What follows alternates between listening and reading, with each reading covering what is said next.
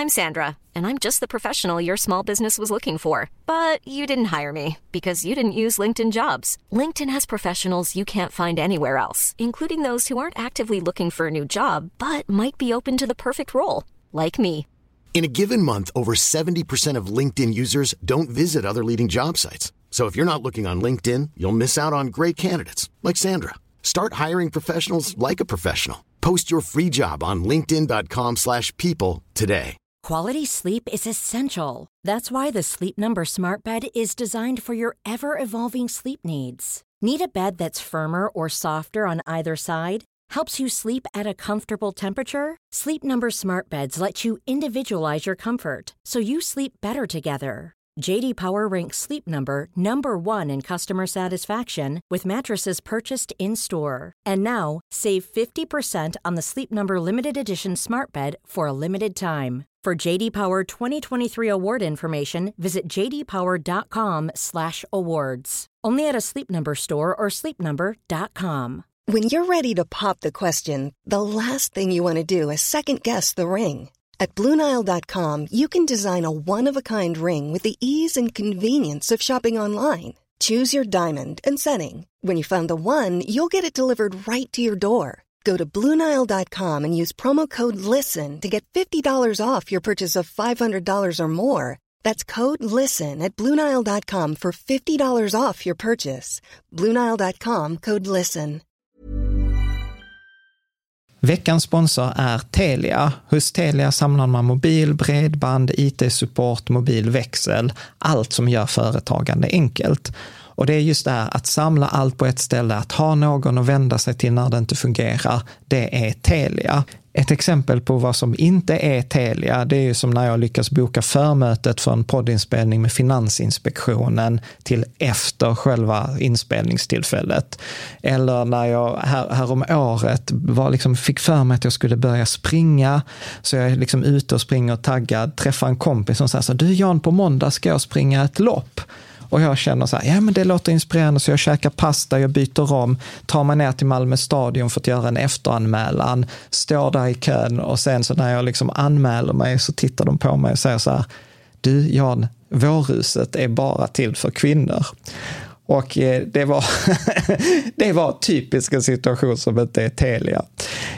Oavsett, ett stort tack till Telia som sponsrar, gör Rika Tillsammans möjligt, men framför allt tack till dig som lyssnar, följer och eh, hänger med oss varje vecka. Välkommen till Rika Tillsammans-podden avsnitt 36. Idag har vi ett lite specialavsnitt, mm. för att du och jag tänkte nu bara ge en kort introduktion till, innan vi kommer till det som är liksom huvudinnehållet idag. Och det är vår intervju med de två stycken fondförvaltarna, Henrik Milton och Andreas Brock. Och Mm. de förvaltar ju den här eh, fonden Coeli Global Selektiv, som är en sån här aktivt förvaltad global fond med fem stycken Morningstar-stjärnor. Mm, ja, detta har du ju sett fram emot hur länge som helst. Ja, men det har jag. Så jag känner mig så lycklig som ett litet barn. Nej, men, men det handlar ju om så här. Jag är ju en varm förespråkare av detta som man kallar då för passiv förvaltning, alltså motsatsen. Det vill säga att, att eh, om man kan sammanfatta alla investeringsstrategier i två frågor så här. Kan du hitta undervärderade bolag eller kan du hitta bolag som kommer gå bättre i framtiden? Ja eller nej? Kan du förutsäga hur marknaden kommer gå? Ja eller nej? Och jag är en sån som svarar nej, nej. Jag, jag vet inte vilka bolag som kommer gå bra i framtiden. Jag kan inte förutsäga marknadsrörelser. Och det man kan göra under de förutsättningarna, det är ju då att man köper alla bolagen och sen följer man sin strategi med regelbundet månadssparande över långa tidsperioder.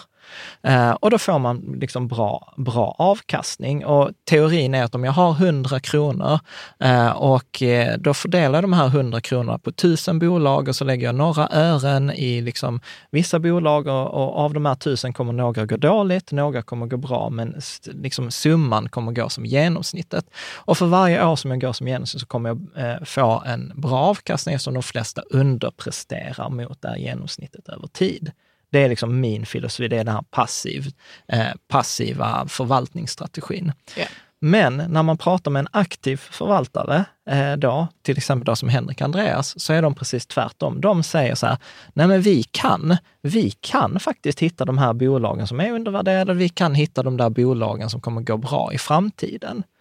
Och det är ju liksom precis tvärt, eh, tvärt emot. Mm. Och, och, och det är ju detta som jag har längtat efter. Att, för att jag, jag tror att det största misstaget man kan göra är när man är övertygad om någonting, det är att sluta lyssna på de som har en annan åsikt. Ja, men framförallt är det spännande att få höra vad de har för argument. Ja, och framförallt det som jag gillade var också att jag ville ha någon att diskutera det här med, som är kompetent, eh, som har erfarenhet. För normalt sett, alltså, att hitta bara någon som har en annan åsikt, det är bara att gå ut på typ eh, Twitter eller kommentarerna eller vi Det frågar finns andra. gott om det. Det finns Åsikter andra- finns det gott om. Åsikter finns det gott om, men det finns få som har ett, liksom, de har läst samma böcker, de har eh, liksom 40 års erfarenhet tillsammans av det här. De har lagt alla sina egna pengar i den här fonden. Som de själva säger, vi har, vi, vi har satsat hela våra karriärer på de sa att... de andas de det liksom här lever, 24-7. ja precis, lever och andas detta. Så att det är inte bara att de tycker eh, någonting annat, de är committed, de har satt sina egna pengar och framför allt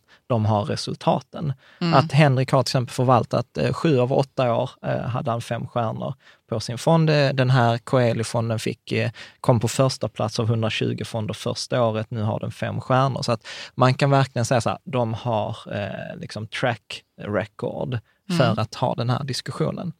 Eh, Så att vi hoppas att du kommer gilla den här intervjun lika mycket som vi. Det är två saker jag vill säga innan eh, vi kör igång. Eh, Det första är att när vi träffades och spelade in det här så hade vi inget samarbete, utan det var så här, verkligen, vi vill diskutera på ett värdigt och schysst sätt där vi kan lära från varandra.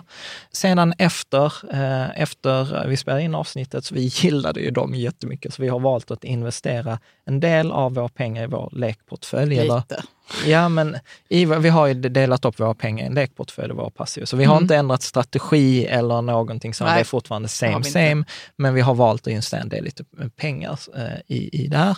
Eh, och det andra var att efter det här avsnittet och artikeln så har Coeli, då fondbolaget, valt att gå in och sponsra det här artikeln eh, och det här eh, avsnittet.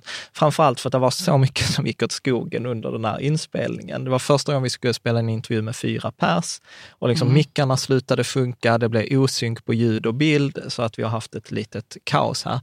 Eh, Så jag kan ändå säga, jag vill också bara be om lite överseende. Ljudet och liksom videon är bra i 99 procent, men sen är det typ fem, sex tillfällen då vi börjar prata i munnen på varandra.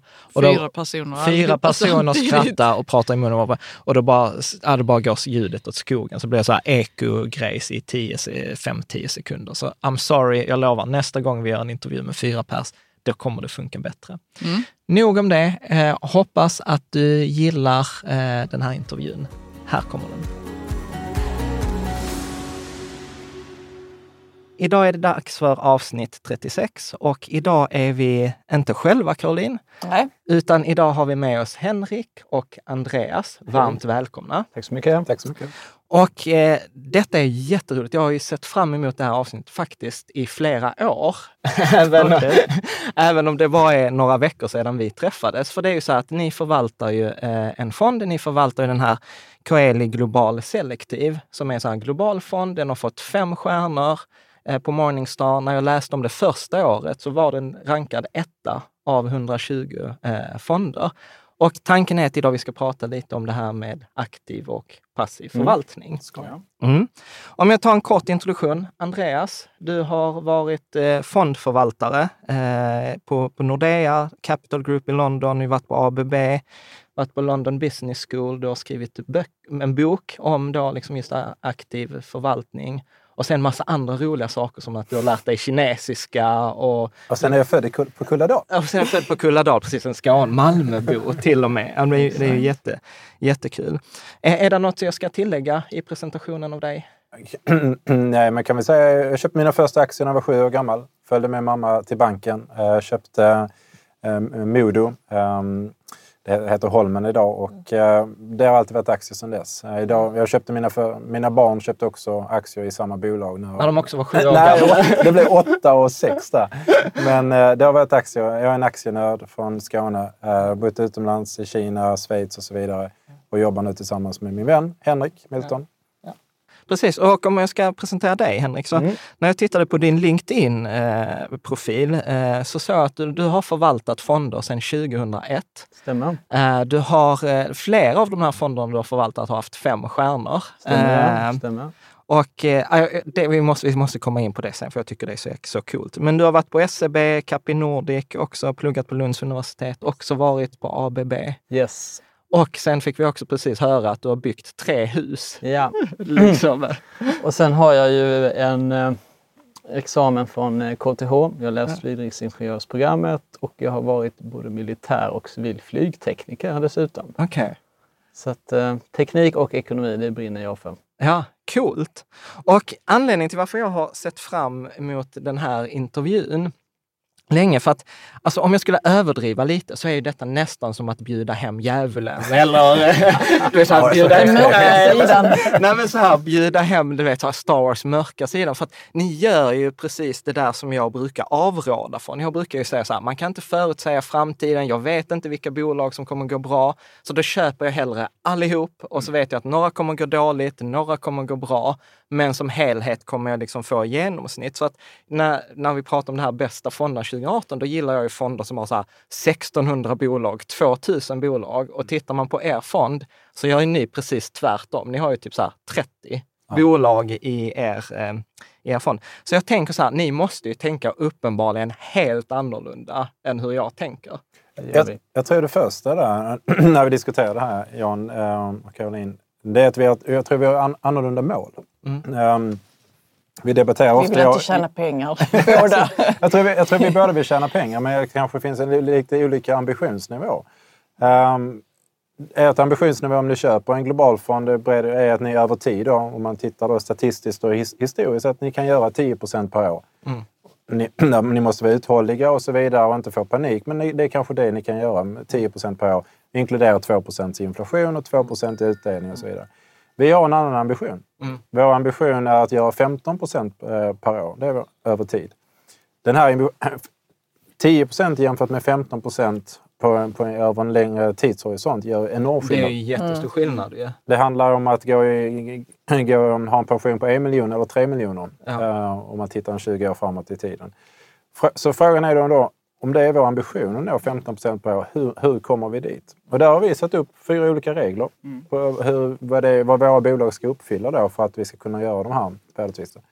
Först måste det gå bra för alla våra företag. Mm. Så i, i din, fem, dina 1500 företag så finns det för, massor med företag som inte går så bra. Mm. Ericsson kan vara ett av dem. Uh, vi gillar inte de företagen, utan vi gillar när det går bra. Och sen gillar vi företag som har väldigt hungrigt management och starka balansräkningar och ett antal an, an, äh, några kriterier till. Så vad vi gör helt enkelt är att vi väljer ut de företagen som vi verkligen tror på. Dem. Mm. Och då stannar man inte i Sverige? Nej, bara. precis. Utan vi har försökt använda, använda vår fonds liksom, angreppssätt på den svenska börsen. Men vi kan inte hitta 30 företag i Sverige där som vi är säkra kan växa med 15 procent per år. Mm. Men får vi hela världen att välja på så är det mycket enklare. Mm. Sen hade du en bra poäng med, med index att det är 1500 företag. Jo, det är så här att eh, om man är index så kan man inte heller slå index. Mm. Det är det som är grejen. Och, eh, jag lyssnade på ett av dina avsnitt och sa att man skulle investera, man investerade 10 öre i varje aktie och så vidare. Mm. Så därför tänker vi så här, varför att inte liksom samla ihop de här 10-öringarna och sen stoppar du dem i de bästa företagen så kanske du investerar 2 kronor i den istället. Mm. Och då får du exponering mot företag som till exempel är lönsamma, växer och har växande vinster. Mm. Alltså, ni, ni, med ökad risk väl? Nej, med mindre risk. Det, det är det vi ska komma till. Precis, för det, det, det, det är ju detta som är ganska spännande ju. Och det är väl egentligen här som, som, som vi liksom så här, man skiljer sig åt. Jag kommer ihåg att jag läste en bok, jag tror den heter så här Asset Allocation. Där, där säger man liksom egentligen så här att man kan beskriva vad i princip alla investeringsstrategier i, i två frågor. Det ena är så här, kan jag hitta undervärderade bolag, ja eller nej? Kan jag förutsäga marknadens rörelser, ja eller nej? Och beroende på de här fyra alternativen hur man svarar så får man ju fyra olika investeringsstrategier. Absolut. Och jag är ju liksom den som svarar så här, nej, nej på de där frågorna. Kan jag ja, hitta men... undervärderade bolag? Nej. Då, och kan jag tajma marknaden? Nej, det kan jag inte heller. Och då leder ju det till den här passiva äh, strategin. Det är sant. Och, och jag tolkar att ni säger kanske ja, ja, eller ni säger framförallt ja, vi kan hitta bolagen. Jag skulle, jag skulle säga så här att vi letar inte efter de här äh, per definition billiga bolagen. Vi ska ju inte alltid ha liksom den billigaste aktien, utan vi vill ju ha företag som behåller sin värdering och där vinsterna hela tiden växer. För då kommer P talet vara konstant över tiden och då kommer aktiekursen stiga i takt med att vinsterna stiger. Men är det också startups då? Eller? Nej, det gör det inte. Utan om, om jag tänker en klassisk utvecklingsteori för ett företag så vi gillar inte företag i den första fasen. Vissa lyckas, vissa lyckas inte.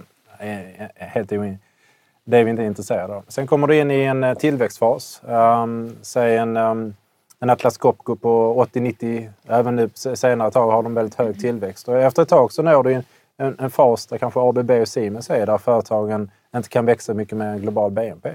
Vi, vår sweet spot, där vi gillar att investera, det är ju den här tillväxtfasen där. De har klarat av sina första kriser, de har visat lönsamhet och det är fortfarande familjeägt eh, eller starka ägare, stark styrelse. Och så har vi kanske en 10-20 års av, av tillväxt. Men för, på din första fråga där, eh, kan jag eh, analysera företagen? Det är inte så där jättesvårt. Ja, man behöver inte göra det så svårt för sig. Eh, om, eh, om jag har sagt till Caroline att det finns ett, ett byggföretag i Sverige som värderas på 20 gånger vinsten och växer med 10 procent per år. Eller vill du äga ett företag i Australien på fem gånger vinsten som växer 30 procent? Så säger du sagt att ja, men jag gillar ju det där som har kostat 5 istället för 20 och som växer med tre gånger. Vi kan ta en fastighet i Sverige och så kanske istället för att äga dyra fastigheter i Stockholm så kan vi köpa billiga fastigheter i Finland eller Tyskland. Ja, jag kommer ihåg att du berättade så här att det var något bolag ni har i fonden, något, något tyskt bolag, där kvadratmeterpriset var värderat samma i Berlin som det var i Hörby. Ja, det stämmer. Stämmer. Det stämmer. Men ändå, eh, eftersom ni håller på globalt, är det inte svårt ändå att veta exakt att de här bolagen kommer att prestera så som ni tror? Eftersom det är ju, det är ju långt bort ju. Det kanske är Det, ja. annan kultur än vad vi har här. Alltså att, att det finns, jag menar att det finns ehm, liksom grejer som ni inte har en aning om. Som kan påverka. Det, det stämmer. Det, ehm, det första när det gäller an- aktieanalys eller bolagsanalys, det är ju att vi, vi kommer aldrig veta allting om ett företag. Ehm, inte ens vdn på Telia kan alla, alla sina olika delar. Ingen kan sina allt allting. Utan vi, vi kommer utifrån och det gäller för oss att identifiera vad är det allra viktigaste i det här företaget. Är Kan det företag- vara en styrka att ni kommer utifrån? det är, det är ofta en styrka. Eh, inte alltid, men ofta en styrka. Eh, för att ofta så kan en, en VD bli väldigt hemmablind. Han kan sin sektor, han kan kanske sitt bolag, men han förstår inte de yttre faktorerna. Men när man kommer då och analyserar en situation så får man sätta, för att identifiera vad är de viktigaste variablerna som vi måste förstå när det gäller det här. Om den viktigaste variabeln är ett politiskt beslut i det landets riksdag så kanske inte vi ska in- investera överhuvudtaget. Är det viktigaste för det, här fram, eh, för det här företaget huruvida de ska expandera in i en ny marknad? När de är lönsamma överallt och framgångsrika överallt annat och så ska de in i den här marknaden. Ja, men det är ett viktigt beslut, men det kanske vi kan analysera. Så det gäller att i varje fall, i varje, varje av våra 30 aktier, att vi hittar de variablerna som bestämmer företagets intjäning och sen analyserar vi dem. Ja. Om jag får tillägga där, och det viktigaste är ju att eh, vi gillar ju företag som har en stor marknad, många produkter. Vi gillar inte företag som har kanske en stor marknad men bara eh, en produkt och det kan ju vara olja. Till exempel. Då är man beroende av oljepriset och det är, det är en av anledningarna till att vi inte investerar i energi till exempel. För att vi vill inte vara beroende av bara en parameter. Vi, vi känner inte kungen av Saudiarabien. Och, så vi kommer aldrig veta var oljepriset ska ta vägen. Så därför är det bättre att bara skippa dem. Ja. Men alltså så här, nu, nu, är jag, nu, nu kommer jag att vara lite, djävulens Ja, advokat. det. Där, där finns ju liksom så här hur mycket studier från typ 1975 eh, fram ja, men hur, till- Pharma som, som skrev nu liksom att ja, eh, om man tar hund, där, där man gjorde den här klassiska undersökningen mellan 1975 och 2006 där man tog 2000 bolag och så konstaterade, eller förlåt, inte 2000 bolag, 2000 fonder. Och så sa man så här, 74 procent presterade som index, eh, 24 underpresterade, alltså ett negativt alfa eh, och 0,6 procent slog eh, liksom index eh, kontinuerligt, alltså statistiskt säkerställt. Och då tänker jag så här, 0,6 procent, det är ju inte fantastiskt mycket. Nej, Nej men eh, vi ser det ju så här att eh, det vi försöker göra, det är ju det vi, man kan säga så att index är ju produkt av historien. Ja. Företag som har gått bra historiskt, de blir stora index. Och det kan man säga, det är ju fördelen med att vara investerad. För att eh, ett bolag som är H&M till exempel, det var ju väldigt lönsamt tidigare.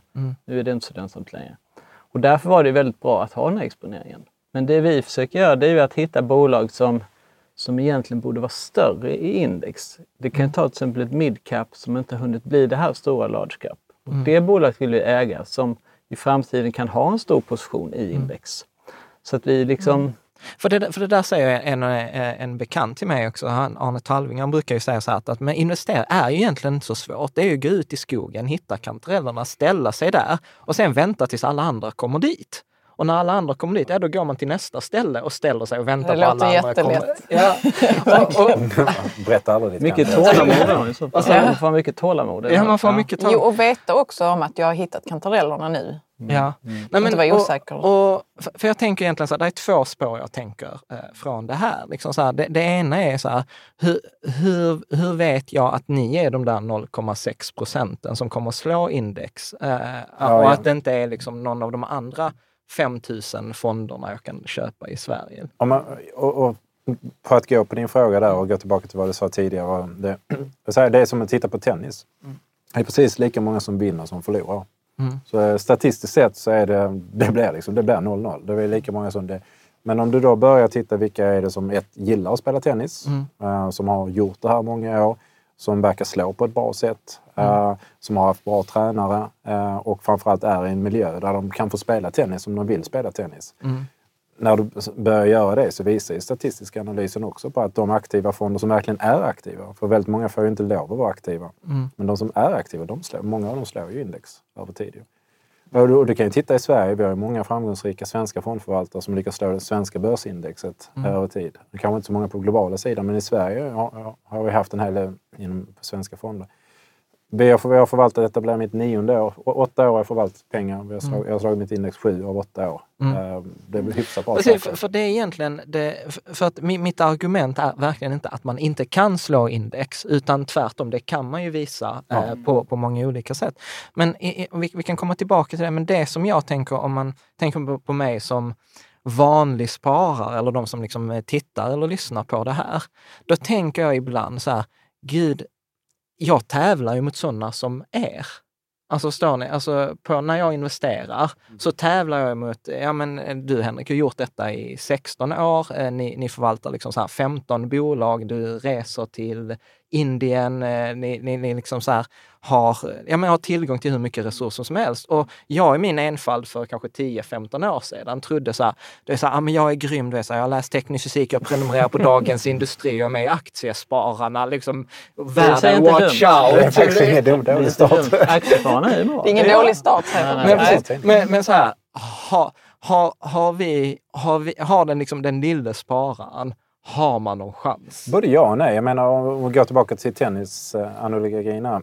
alla kan, alla, alla, det är det som är bra med Nordnet Avanza. Alla kan gå ut och spela tennis. Alla kan gå ut och bli aktieinvesterare.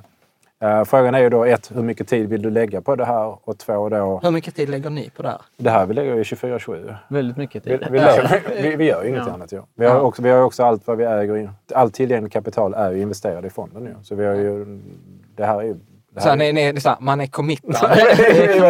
Alltså, hela vår karriär är ju den här fonden. Så enkelt är det. Vi lever och dör med fonden. Ja. Annars, kan vi inte, annars kan vi inte träffa en Men om det inte handlar om er, men så här, om vi tar, tar den genomsnittliga spararen, vet, som ändå gillar bitcoin och cannabisaktier och sånt också. Jag, jag tror säkert att den genomsnittliga spararen, om han är, är, är, långsiktig, du kan titta på Aktiestinsen, han gjorde ju ett fantastiskt jobb. Ju. Ja. Fokusera på väldigt enkla äh, mätetal äh, och vara väldigt långsiktig, inte få panik. Det är otroligt viktigt. Alltså, ännu viktigare än att välja rätt global fond är ju beslutet, ska jag vara på börsen eller ska jag inte vara på börsen? Och det är, där tappar du väldigt mycket folk. Äh, så, äh, så det finns väldigt mycket bra där. Och jag skulle vilja säga ändå till alla småsparare och, som sitter och lyssnar på. Och det är ju det att man, man måste bestämma sig för en strategi. Vilken typ av företag ska jag köpa? Vad är det jag tycker om? Och eh, det kan jag säga det att eh, efter finanskrisen eller under finanskrisen 2008 så satt jag där i Köpenhamn, lyssnade hur bussarna körde på gatan utanför. För vad är det jag tror på? Och det jag kom fram till, det är jag tror på lönsamma företag som skapar fria kassaflöden. För att Stinsen, han köpte företag som gav utdelning. Och kan man ge utdelning så har man också ett fritt kassaflöde. Så det är, man ska leta upp några drivare som man tror på. Vad ska jag tro på? Och eh, om man gör det så ska man ju undvika då att investera i förlorarna. Alltså, Till exempel Ericsson, den är ju bara att glömma. Den ska man bara, har man den säljer man och sen så bara glömmer man bort att man har köpt den. Satsa på någonting annat istället som Ja. växer och är lönsamt. Ja. I alla fall Ericsson här och nu. Och, Ja. och det var inget råd. Och. Nej, Men på tal om, på tal om panik så tänkte jag faktiskt fråga dig. Vad gjorde ni under 2008? Vad tänkte ni då? Gud, jag tror vi pratar varenda dag då. Jag tror vi ja, ibland flera gånger. Vad är det. Vad Men jag- händer? Nej, men jag kan, Eller berätta, ja, precis. Men jag kan berätta hur jag, vad som hände kanske? hur jag förvaltade. Och Mm. eh, vi, inledningsvis så har, jag tror inte vi nämnde det, men vi förvaltar gärna en fond med lika vikt i varje aktie. Mm. Och det gjorde jag, exakt det gjorde jag under finanskrisen. Och jag förvaltade då eh, en Bricka-fond. Mm. Som, eh, de var väldigt populära då. Och eh, 2008 när mark- aktiemarknaden sjönk ner så var jag bästa Bricka-fonden. Jag slog Vad är alla. en bricka för Det är alltså Brasilien, Ja, okej, Ryssland, Indien. Kina och Afrika var det på slutet. Och Afrika, minsann. Ja. Sydafrika framförallt var det. Men det var, jag, det var bästa Bricka-fond. Det var 10% bättre än, än den andra. Och det var väldigt många fina namnkunniga konkurrenter. Det var Goldman Sachs och så vidare. Och så vidare. Sen 2009, då var jag sämsta Bricka-fond. Jag gick bara upp 72% Det var väldigt jobbigt. Och sen 2010 kom ett dåligt år igen och då var jag bästa Bricka-fond igen. Alltså det vill säga att jag hade då var 10 bättre än närmsta konkurrent.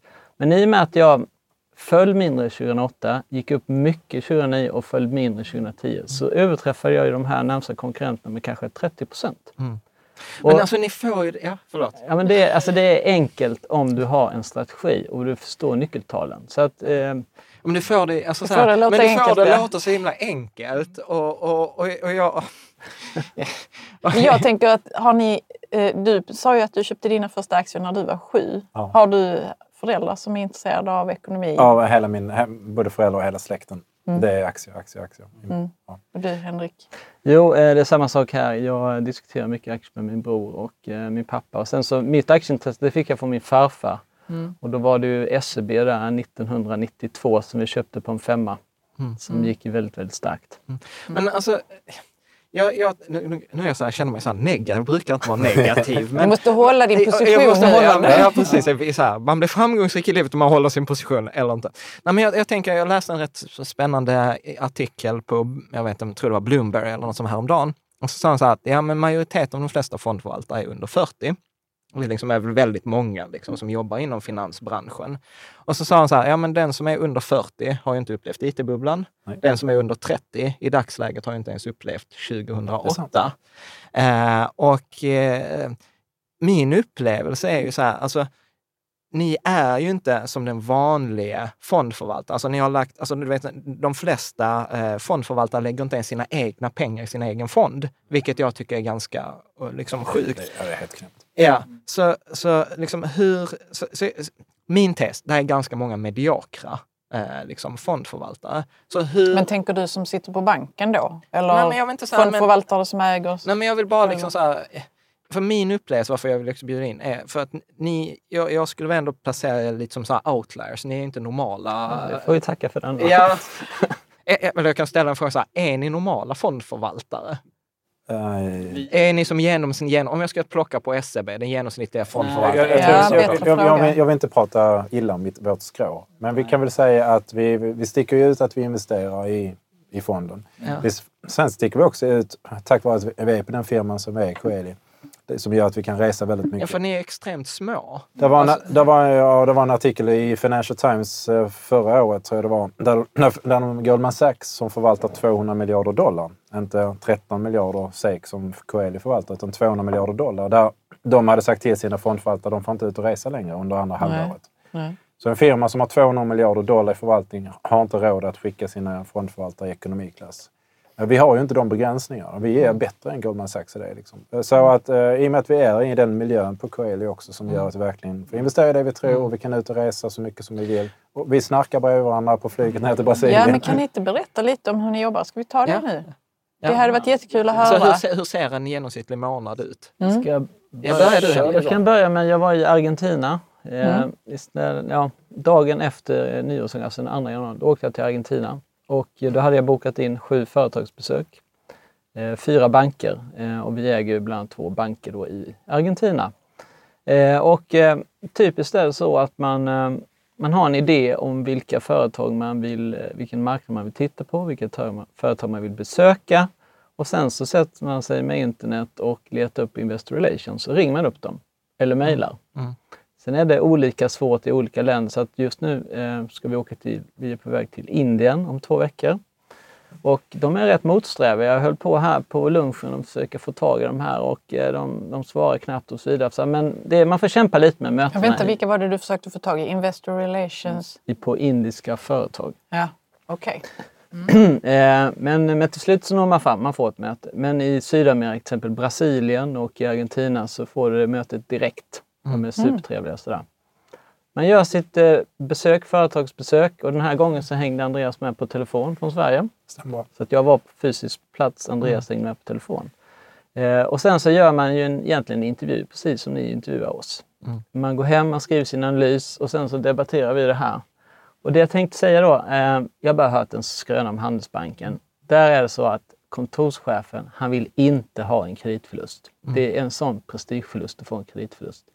Men det är inte så Och konstigt. betyder det? Handelsbanken klarade ju kri- alla kriserna Precis. bäst. Men Och det, det brukar här- vi Jag företag säga att vi har inte pratat så mycket om men det här gäller mig och Andreas också. Vi vill ju inte ha en dålig aktie. Så därför liksom är vi ju väldigt noga när Men- vi köper någonting. Det ska ju vara bra det här. Sen är vi väldigt förlåtande och snälla mot varandra. Det är vi. Men, men där är ju också en ganska stor skillnad. Så här, ja, men så här, vem som är småspararen kan göra det. Det är inte som att småspararen ringer och säger, du jag ska investera mina 100 000 kronor här. Jag tänkte lägga 10 000 i ett bolag. Jag flyger ner till Argentina nästa vecka. Men både, både ja och nej. Jag minns när jag var student Ja. eh, på London Business School London. Då ringde jag upp eh, Jara, alltså ett av Norges största bolag. Och sa, ja, jag har massa frågor, jag är student. Jag har, men eh, jag har förberett mig. Jag har läst er, er bok som handlar om, om, om gö- konstgödsel. Den är 200 sidor. Jag har läst alltihopa och jag har några frågor. Och vet du, han blev så chockad så att jag fick över en halvtimme att sitta och prata med honom. Så att eh, det går att ringa Ja. upp vem som helst. Alltså, vilket företag. Man måste bara vara lite, lite kaxig. Eh, Ja. Och framförallt, Och gjort sin hemläxa. framförallt vara påläst och vara, vara genuint intresserad. Ja. Och vi, jag ska säga att vi är ju också entreprenörer Andreas jag. För vi, vi driver ju en verksamhet. Den här fonden kan man ju se som ett investmentbolag egentligen. Va? Och, det är ju ett, och vi vill ju nå framgång, därför måste man vara framåt. Man måste ta initiativ. Så vi har ett väldigt starkt driv. Så att det är en av dina parametrar där tror jag. Som, Jo, som men det är det absolut. oss. Det är ju en, ja, personen är en edge. Ibland får man nobben. Liksom. Och, men så är det. Att, men frågar man inte företagen om, eh, om man inte får träffa dem. Nu var vi i Kina i, innan jul. Då fick vi träffa två av Kinas, hela Asiens största företag. Eh, och ja, men, eh, man snackar sig in. Och sen så när man väl har haft möte så nästa gång kanske man får träffa någon ur ledningen. Sen kanske man kan få träffa någon ur Ja, men att bygga, men bygga relation. Men Jag bara tänkte höra, har ni några favoritföretag nu? Vi har ju Jobbar massor. 31 stycken. fantastiska. Jo, men eh, bland dem liksom. Ja, men, en vi sån. kan väl prata om... Eh, låt oss prata om, kan vi inte prata om smink? Ja, kan vi göra. Ja. Vi äger ju två av världens finaste sminkföretag, smink och beauty. Eh, L'Oreal och Estée Lauder. Uh, båda två har sina egna plus och minus. Men smink och skönhet är ju en, en trend som har funnits länge och kommer finnas väldigt länge. Det handlar ju inte bara om att även män uh, vill börja använda produkterna utan även man vill se väldigt vacker ut uppåt i åldrarna och även eh, väldigt många asiater vill också anpassa de här varumärkena. Det här är ju företag här som har vuxit i, i årtionden eh, och kommer att fortsätta växa. Det är en sån här trend som är väldigt svår att eh, stoppa av. Stå, eh, Den kommer inte stanna imorgon. Utan där, Du menar att man vill vara snygg? att man vill vara liksom en snygg vara Jag tror vi har velat vara snygga sedan vi var stenåldersmänniskor. Och Ja. det finns marknader där man inte ens har eh, liksom, fått lov att vara snygg än. Nej. Och då kan du säga, kommer, kommer L'Oreal att tjäna pengar i, i en lågkonjunktur? Ja. Kommer de tjäna pengar i en högkonjunktur? Ja. Balansräkning, de har ingen skuld nästan på balansräkningen. Uh, otroligt många varumärken. Kerastase, det är inte bara L'Oreal och Lancôme utan Kerastase, Redken och så vidare. Så har du en otroligt bred produktportfölj. Det, detta är ju en tanker ju. Och, för- och få vara aktieägare i ett sånt företag, och de företagen är ju bara helt fantastiska. Andra bolag som vi har och vi tycker väldigt mycket om det är ju bolag i en sektor som heter eh, Specialty Finance och det är betalningsbolag. Och eh, de här bolagen använder man så fort man gör en elektronisk betalning. Eh, och vi kan ta en liten anekdot. Jag besökte ett av de bästa bolagen som heter Wirecard. De har sitt eh, huvudkontor i München och eh, då tog jag taxi dit och kom jag dit och sen så vill jag betala med mitt kort. Då säger han, nej, jag tar inget kort. Nähä, nu ser jag, jag ska åka till Wirecard, världens Ja, bästa ju betalningsföretag och jag kan inte ironiskt. kort. Nej. finns det en uttagsautomat i närheten? Ja, det finns det. Så då åker jag till ett annat hotell, går in där, tar ut pengar och betalar den här kontant. Då. Och det här är hela egentligen eh, Wirecards affärsidé. Det vill säga att man går från cash till elektroniska betalningar. Och man kan se den här sektorn som att investera i ett land som vars BNP växer någonstans runt 15% per år. Så det här är väldigt spännande tycker vi.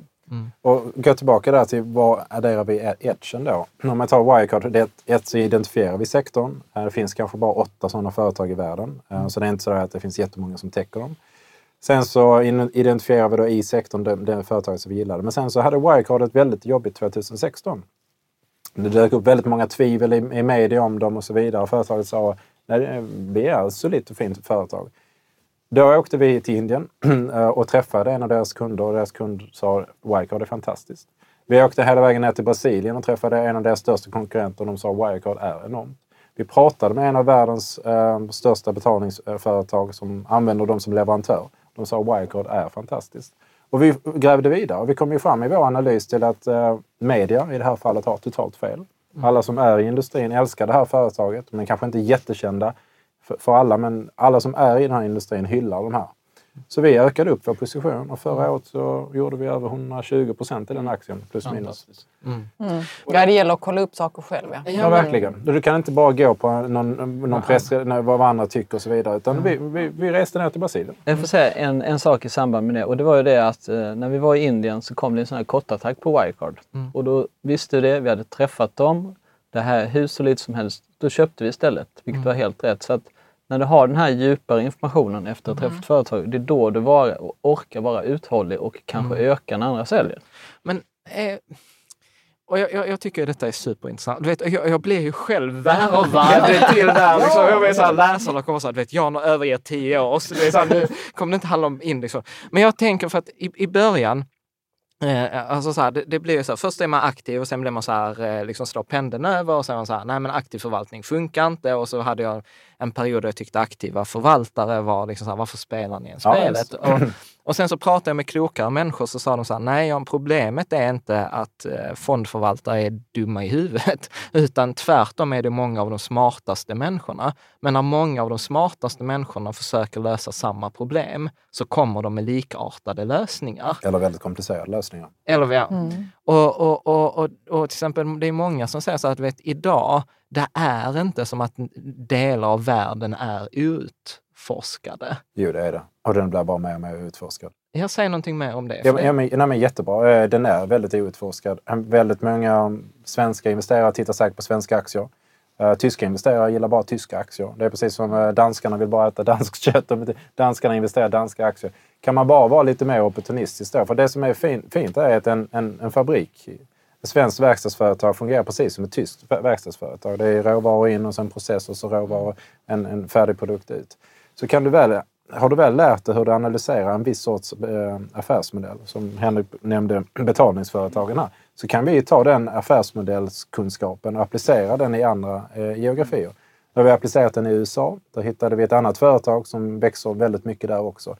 I USA... Men hur kommer det sig så här att inte andra, alltså typ Goldman Sachs eller eh, liksom de här bolagen, hittar inte de också De de, tog här bolagen? bevakning på Wirecard förra året faktiskt. Men det var ganska sent. Ja. Men de är där nu, de börjar. Ja. Men har inte de ett helt annat sätt att jobba på? Nej, men alltså, det, är detta, det, är på på detta ett som annat jag, det, sätt. det är detta som jag blir nyfiken på. Alltså för du vet, för att man läser om de här, du vet, någon, det var äh, men typ Bridgewater, liksom så här, att, vad är det, 250 miljoner US-dollar på research och analys. Du vet, skickar upp egna satelliter, fotograferar parkeringar utanför det låter, Walmart. ja, det låter ju väldigt jobbigt. Liksom så här, ja men du kör bild, ja, men du vet, jag, jag, jag är nörd ju. Låter Du vet så här kompisar som har gjort bildanalys på parkeringsplatser för att räkna hur många bilar som det är utanför. Folk För att, det. liksom, för, att, för att i- försöka göra någon prognos om försäljningen har ökat i förhållande till, näst, eh, till föregående år. Men saker och ting är ju det att även om vi, även om vi skulle alla ha exakt samma information och jag presenterar den till er här nu idag. Jag säger att L'Oreal är fantastisk. Så lovar jag att det finns 25 procent av de som lyssnar på det här som tycker L'Oreal inte är alls är bra. Jag kan säga att Apple är bra och 25 procent kommer ändå säga att Apple är skit. Även om vi har samma information så blir analysen av det, eh, eller förståelsen av den informationen... Menar du att vi går in med känslor? Vi Eller går är in det... med mm, känslor, olika referensramar och så vidare. Sen kan det också vara att det, du kanske inte tycker om L'Oreals produkter, produkter inte är bra, men de tjänar sina mest, mest av sina pengar i Kina och egentligen så spelar det ingen roll vad du tycker utan det spelar roll vad kineserna tycker. Låt mig göra en, en, en, en, annan liknelse. Eh, jag kan ge dig information om, eh, vad ska jag säga, fastigheter. Jag åkte ner till Berlin och så tittade jag på en lägenhet och så eh, var på 65 kvadratmeter. Centrala Berlin, eh, jättefin gammal byggnad. Eh, balkong, eh, uteplats. De hade höjt hyran till 4 500 kronor i månaden. Men det är höjt hyran. De hade höjt hyran, för innan var den bara på lite under 4 000 och nu var de på 4 000. Och de som visade mig lägenheten, de som var berlinare, sa gud vad dyrt, sa de. 4 500 kronor för en 65 kvadratmeters lägenhet. Tycker inte du Andreas att det är väldigt dyrt? Och du tänkte på jag tänkte på Stockholm, jag tänkte på alltihop. Jag tänkte på London när jag bodde där. Jag menar, man, man skulle inte kunna hyra liksom 10 kvadratmeter för det. Och så, nej, jag tycker det är billigt. Nej, men usch vad dyrt det här är, tyckte, tyckte berlinarna. Ja. Och, jag, och själv då ska man utifrån göra den här analysen och säga men det där är ju en fjärdedel av vad... En tredjedel Men varför var det så billigt?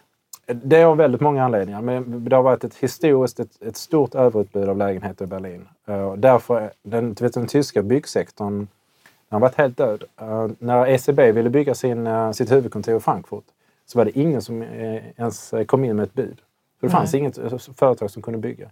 Så byggsektorn var död väldigt länge i Tyskland och nu då så dels, har du, dels ökar populariteten av Berlin men också rätt mycket folk flyttar. Inte bara immigranter utan även folk från eh, Spanien och Italien flyttar till Berlin. Svenskar. Eh, Så Berlin ökar och då får du en sån här klassisk utbud och efterfrågan. Att efterfrågan ökar men utbudet hinner inte ifatt. Nu har priserna ökat men kanske den lägenheten kostar 6 000 kronor kvadrat eh, från att, att hyra i månaden. Jag tycker fortfarande att det är ganska billigt. Så ibland behöver man inte göra analyser. För, för det där, för det där du, du har ju skrivit den här eh, Material Positive eh, Change-boken och där, skri, där pratar du om det här konceptet och där du pratar framförallt om H&M Där du sa så här att, liksom, eh, i, vad var det, i slutet av 90-talet? Eller Ja, här, att, att H&M var ju väldigt dyrt. M- eh, Liksom. Men att det hade ju sen ändå en fantastisk utveckling de kommande liksom, 15 åren. Så att, så att om du skulle liksom sammanfatta, vad, vad är det du säger egentligen? Vad jag säger är att aktiemarknaden tittar ett år ut. Vi kan prata om Wirecard, kanske där kanske den bara tittar sex månader ut. Vi försöker titta längre ut, två, tre, fyra år. Vi tittar på fastigheten i Berlin och säger att den här borde gå till 30 000. Vi hoppar inte av när den har gått upp 10-20 procent utan vi hänger kvar. Vi har, vi har det längre tidsperspektivet. Och nästan alla investerare, inte, alltså, inte bara fondförvaltare utan alla investerare, är väldigt kortsiktiga. Det är väldigt mycket panik. Henrik adderar sina mer nummer, kvantitativa ehm, screenings och så vidare som gör att vi känner oss trygga i nyckeltalen. Och det gör ju att vi vågar hålla ut ett, två, tre, fyra år. För jag, tänkte, för jag tänkte att vi skulle prata lite kort om det sen också. Men om, om man också säger, jag som liksom gillar lä, läsa de vetenskapliga artiklarna, så var det också, de säger att det är ganska tydligt, det är två tydliga trender just nu. Det ena är att antalet förvaltare som lyckas slå index över tid minskar. Det vill säga att liksom, tesen är att det var lättare förut, att på 90-talet så var det typ 15 procent som slog index över långa tidsperioder, alltså statistiskt säkerställt. Nu är det typ 0,5 procent. Upplever ni också att, då, att det är svårare idag eller upplever ni att det är lättare? Eh, Jag, sk- jag kan ju säga att jag, min känsla är att uh, förr i tiden, om vi då går tillbaka till 90-talet, så, så förr så gick det nog ganska många, eh, kanske inte alltid rumsrena överföringar av information i, i branschen. Mm, och som gjorde det Som- enklare. Som, som, som bransch pratar vi ju. Ja. Nu nämner jag inte firma eller person. Nej, utan nej. Som bransch internationellt sett Ja. och framförallt också i vissa länder eh, så försiggick det. Eh, så det är utraderat idag. Ja. Eh, utan idag så är det ju liksom kompetens som det handlar om och då gäller det att gräva sig ner i företagen. Vad tänker du Henrik? jo, eh, jag tänker på Mifid 2. Mm. För det var det andra jag tänkte vi skulle ja, prata precis. om. Och, det, och det, vad den säger egentligen det är det att vi har ju haft blivit kontaktade av väldigt många firmor som vill Mm. att vi ska sluta avtal med dem. Det vill säga för att nu 2018 så måste man betala för analys. Mm. Och eh, vi vill inte betala liksom 25 leverantörer utan vi väljer ut några stycken som vi vill betala för analys. De övriga 17 det lämnar vi därhän och det kanske andra också gör. Så att jag tror att det kommer bli en utslagning bland just amatör, alltså eh, sell side analyst, de som säljer analys. Det kommer bli färre av dem och därför behövs sådana killar som oss. För att då gör vi den här eh, riktiga analysen. Och då, då kommer det finnas liksom en marknad igen för oss. Så jag tror att pendeln kommer slå tillbaks. Mm. Precis, för, för det, var, det, var, det var den andra eh, analysen och den andra trenden som jag sett att om man skulle någon slags eh, försöka rita upp en normalfördelningskurva så kan man säga att i den ena änden så har vi liksom de passiva indexfonderna som liksom eh, står och sen i den andra liksom, extremen, då har vi liksom så här fonder som ni, liksom aktivt förvaltade småfonder, alltså lättrörliga, man kör sin, sin grej. Och i mitten så är det den här stora delen av fonder som de i den artikeln tyckte så här underpresterar, har höga avgifter och väntar på att dö. Som är många. liksom. Och de är många Jan, Och de är, får man väl det, säga. men det är precis, det är Mm. majoriteten. Men så sa de så här att, att problemet till med Mifid 2 kan ju vara att sådana som ni får det svårare för att dokumentationskraven och liksom Nej, tror jag allt. Tror inte? Ja, Vad är ja, det med transparensen nu? Mifid? Ja, alltså det är 1,6 miljoner stycken i den, lagstif- i, i den Mifid 2-lagstiftningen när jag kollade. Ja, det är en tung lagtext, så är det. Det är en tung lagtext. Eh, Men, men vi gör ju väldigt mycket egen analys. Mm. Eh, vi är inte beroende av de här externa analytikerna. Ja, men precis, men om vi hoppas, så här, vad, vad, tror, vad, vad tror ni liksom så här, fondmarknaden kommer gå? Tror ni att det kommer bli liksom så här, att det blir de här små nischfonderna och passiva? För den passiva indexfonderna har ju ökat eh, ganska mycket, men det är fortfarande under en femtedel eller under 25 procent. Nej, men jag tror också att för att eh, alla, vi har ju hört talas om det här som kallas robotrådgivning och Mm. i de här eh, roboten så ska det ju stoppas in någonting. Och Mm. det man väldigt gärna stoppar in det är ju indexfonder som är, har låga avgifter. För det har man ju lärt sig att det är bra. Mm. Men vad jag bara menar liksom att här skulle jag säga riktigt kritik mot den här modellen med robotar. För jag tror att om några år så kommer man inse att det här blev inte så där bra. Utan kan man då, för att vi tar ju betalt för våra tjänster för att någonting som, vad ska man säga, det som är gratis är ju inte värt någonting. Det är det jag menar. Alltså om man betalar för någonting så ska det vara värt någonting. Och eftersom de här robotgivarna inte vill betala för aktiv förvaltning så blir det passiv förvaltning. Då blir det bara en typ av förvaltning.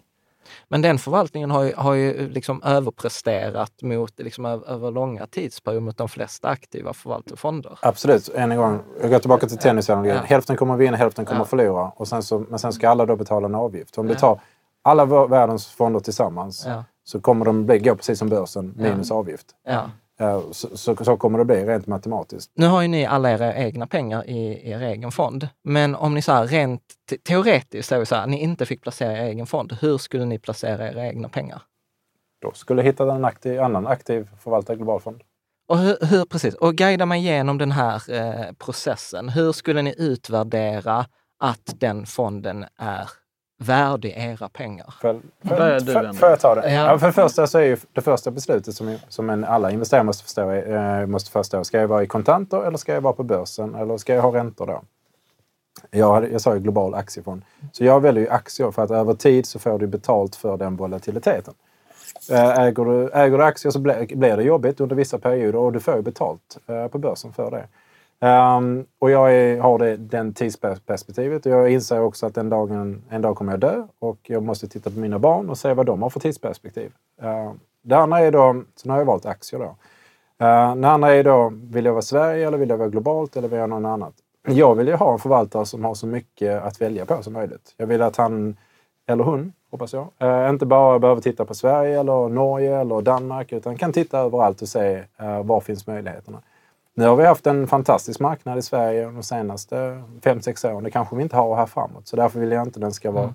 Och sen vill jag aktivt. Och det har inte bara med avkastning där. För jag, jag förstår skillnaden mellan 10 och 15 procent per år. Den enorma skillnaden det gör på 10 års perspektiv är ju helt brutal. Det andra är också risk. Och det var du lite grann inne på då. Blir risken högre? Jag, vi anser ju att risken blir lägre om man vet vad man investerar i och man kan ha koll på det. För då kan man också välja ut starka balansräkningar och så vidare. Och sen kommer det tredje och kanske det viktigaste. Det är etik. Jag vill också att den, den fond som jag investerar i har vissa etiska normer. Jag och Henrik, vi köper inte vapentillverkare. Vi, tycker, vi vill inte vakna upp och säga oj, nu är det krig i Ukraina. Yes! Liksom, Gud vad roligt. Nu dör massa människor så nu tjänar vi pengar. Krig, det betyder pengar. Ja, precis. Nej, men det, det känns ju bara helt fel. Eh, Så vi vill inte investera i vapentillverkare. Vi vill inte investera i tobakstillverkare. Så jag vill ha en globalt aktiv förvaltarfond för avkastningen, den högre potentiella avkastningen, den lägre risken och framförallt den etiska eh, vägledningen. Och det jag skulle vilja tillägga då till det här, det är att man ska titta på incitament, alltså vilket incitament den här personen har att förvalta. Till exempel, är det en mindre firma där han kanske är delägare?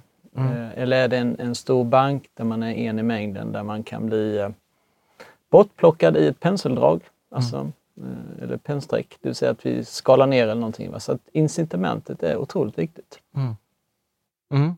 Och, och, och hur skulle ni liksom så här, hur skulle ni gå tillväga rent på? Skulle ni satt er vid Morningstar eller Ja, hade ni ringt runt till fonderna? Eller? Det är väl ingen dålig början. fråga. Morningstar är väl ingen dålig början. Det är, det är ett objektivt betyg, de där stjärnorna. Det är väl ingen dålig början. Och eh, framförallt också titta på hur länge personen har varit där. Om du, om du går in på många av de större fonderna så kan du, kommer ni ju se vilken otrolig rotation det är på fondförvaltarna. Att de här fem stjärnorna kanske... Mm. är det det? Ja, ja, det är ganska hög rotation. Gå in, eh, gå in själva. och Gå in Och varför egentligen är det hög rotation på dem? Ja, de kanske inte trivs där de är. Eller att de blir, eller de blir erbjudna. Sen är det, måste man också säga det är ett ganska slitsamt jobb att vara fondförvaltare. Det låter jätteglassigt att flyga till Indien och sådär. Men, men, men eh, efter x antal år så kanske folk väljer att stiga av. Um, så det är det jag tittar på. Vad har du sagt Henrik? Du har ju valt. fond. Jo, jag har ju varit fondutvärderare. Det var ju ett av mina första jobb i finansbranschen. Och, eh, det jag gjorde då, det var att jag försökte vända på det här begreppet. För att det gjorde, eh, vi var tvungna att ha sex stycken fonder i den här portföljen för att den skulle vara godkänd då enligt ljushetsreglerna. Och då vill jag ha fonder med väldigt höga tracking error. Jag vill dem att de ska ha höga informationskvoter, för det är ett väldigt bra utvärderingsmått för fonder att titta på informationskvoten. Och sen så hade om du skulle förklara vad är informationskvot och tracking error? som att om du tar en hög risk mot benchmark, benchmark och också får en hög avkastning, då får du en hög informationskvot. Mm. Så det är Och alltså- tracking error? Tracking är det är alltså hur mycket man avviker från index. Alltså, i, i, i, alltså hur, hur, hur, att fonden placerar annorlunda index egentligen. Ja, precis. Så, som ni har 30 bolag mot index Precis. 1600 bolag. Och på den tiden då hade jag också möjligheten, jag hade ett system då där jag kunde mäta då överlappet mellan de här sex olika fonderna. Då, va? Och det jag konstaterade då var att jag hade då, så det jag gjorde var egentligen att jag hittade sex duktiga förvaltare där alla hade sin unika strategi. Alla valde egna aktier och det, var, det hade alltså sex källor till avkastning som också gjorde ett olika jobb. Och den här portföljen var väldigt framgångsrik. Och den är ju lite motsägelsefullt i den strategin som du valde då i ditt program. Men eh, det här är någonting som är väldigt spännande för att i, det här fall, i den portföljen blir vi en komponent då kan man säga. För att då har vi ju höga tracking error, vi har en hög informationskvot. Så och- ni har ju precis, ni har ju allt det som jag inte vill ha i en indexfond. Ja, nej, men- men, men, men, men, vet du vad, och, och, och nu skrattar vi åt det, men det är ju det som är poängen. För det, det, det, det, värsta som fanns, det var ju där Joel Dahlberg för några år sedan avslöjade att man köpte en liksom aktivt förvaltad fond men den betedde ju sig som index och enligt reglerna så kunde den inte ens slå index och sen hade den ju en avgift på 1,4 procent och det är ju inte, det är inte schysst. Nej, Liksom. jag håller med. Och det man kanske ska titta på, vem är det som är liksom uppdragsgivande? Det Mm. får man ju titta på den då, vad de får, har för incitament för den här. Och berätta kallade- någonting mer om, berätta mer om det här incita, incitament, vad ni tänker då. Nej, men om jag bara får avsluta Mm. diskussionen. För att det man gjorde, det fina med den här portföljen då med sex globalfonder, det var att man fick titta på den portföljens utveckling då. Va? Mm. Och då blev det ju att, eh, då, vad ska man säga, portföljen gick ju som index i det korta loppet. Men Mm. sen över tiden så drog den ifrån index då. Precis. För, eh, och när ni menar så incitament, för, för, för det, det är ju lite så här eh, elefanten i rummet för mig som brukar alltid så prata om så här låga avgifter. Så här. Ni har ju, om jag, om jag kollade rätt, eh, 1,4 procent per år. Men sen har ni dessutom eh, liksom ett rörligt arvode. Kan ni inte berätta så här, hur, hur tänker ni? Hur, hur var resonemanget kring, kring avgiften? Eh, ja, avgiften är ju 1,4 och det, betyder ju att oftast tar ju distributören, då, Avanza Nordnet, tar ju en stor del av det. Och sen så är det ju en mindre del som, som, som då, en annan del som går till oss. Um, och det är ju det som bekostar resorna och våra löner och så vidare. Och sen har vi en prestationsbaserad, det fungerar precis som bonus. Jag minns um, att om jag plockade jordgubbar på min farbrors jordgubbsland så fick jag också bonus om jag plockade extra mycket jordgubbar. och, och man jobbar hårdare. Uh, av den avka- överavkastning som vi genererar då ska ju 90 procent i andelsägarna och 10 procent till oss. Ja. Vi har så kallat high watermark. Jag säger- kan du inte förklara det? För att det är inte... Säg att vi förra året så, säg att, exempelvis säg att 2017 att vi inte slog index med 6 utan att vi hade gått 2% bakom. Då måste vi detta året då först komma ifatt de 2 procenten innan då den här prestationsbaserade avgiften börjar räknas igen. Sen kristalliseras den, det vill säga den, liksom, eh, den blir svart på vitt i slutet av året. Då. Eh, Men den tar sig av från, navet hela tiden. Men det, det, det, det är vår bonus, det är det som får oss att, eh, att eh, inte jobba, men att kanske jobba lite, lite, lite extra. Och det är det där lilla extra arbetet som eh, ofta ger, det där- ger kryddan. kryddan. jag, jag tänker också att ni, ni måste ju ha liksom så här vanliga människor runt om er som inte är liksom så lika duktiga som ni är. Vad ser ni att de liksom vanliga sparare gör för misstag när de sparar sina pengar? Jag skulle säga att man inte följer upp sina placeringar tillräckligt ofta. Alltså Okej. att, eh, att man måste ju vara inne och titta på sin portfölj, jag skulle säga fyra gånger per år minst. detta, detta är, det, ja. För vi säger ju en gång Ja, det, ro, det roliga var så här, till förra avsnittet så hade vi Henrik till som är så här passiv och äh, oberoende rådgivare. Och då, och då konstaterade vi så här, ju, ju, ju, ju färre gånger du loggar in på, din, eh, på ditt Avanza, desto bättre avkastning tenderar du ha för att du är själv största hotet mot din avkastning. Och här, ni, ni är precis tvärtom. Och jag gillar ju det, för det belyser ju så att det finns ju inte ett rätt svar, utan att man kan se det. Så du säger så här, eh, för lite uppföljning. Så vad skulle du mer säga? Nej men också att man, eh, att man vågar tro på någonting. Va? Om du säger att du är aktieplacerare och du eh, att våga lita lite på din egen intuition. Va? För att om du till exempel har köpt en, en väldigt fin klocka och det här klockföretaget är börsnoterat och alla andra gillar den här klockan också. Då kanske du ska gå på den intuitionen och säga att tro lite på dig själv. Och sen om man vänder på det, vad gör, vad gör de, folk, de människorna som vi ser som är förmögna? Vad gör de rätt då? Eh, För på Coeli har vi ett antal tusentals mycket rika eh, privatpersoner som kunder då. Och vi har ganska må- många kundmöten med dem när vi sitter med dem. Och då lär man sig också vad de här kunderna har gjort rätt då. Och en, en sak är att, kanske att, eh, liksom, att inte vara sin egen fiende då. Men någonting som många gör rätt är, är månadsspara. Hela tiden konsekvent då. Det, även om det är 2008 och det är jobbigt då att, att månadsspara. Att man fortsätter månadsspara genom hela den här fasen där. Och ränta på ränta-effekten då är ju brutal. Om du bara kan hålla ut och ha det här långsiktiga perspektivet. Alltså du kan ju skapa enorma förmögenheter. Alltså för där är ju, där är ju en jättestor skillnad på, för ni säger ju 10, jag brukar säga 8 och tänker jag på 8, ja, då dubblas pengar vart nionde år. På 15 procent då dubblas ju pengarna vart femte år. Alltså det är, det är dubbelt så hög hastighet och eh, dubblingen blir ju så himla stor. Och ni sa ju också när vi träffades sist, bara så här i förbigående, så bara, ja men 10 procent är ju inga problem, det är 15 man vill ha. Så att eh, liksom så här, om ni, Jag hoppas att vi inte har inga problem.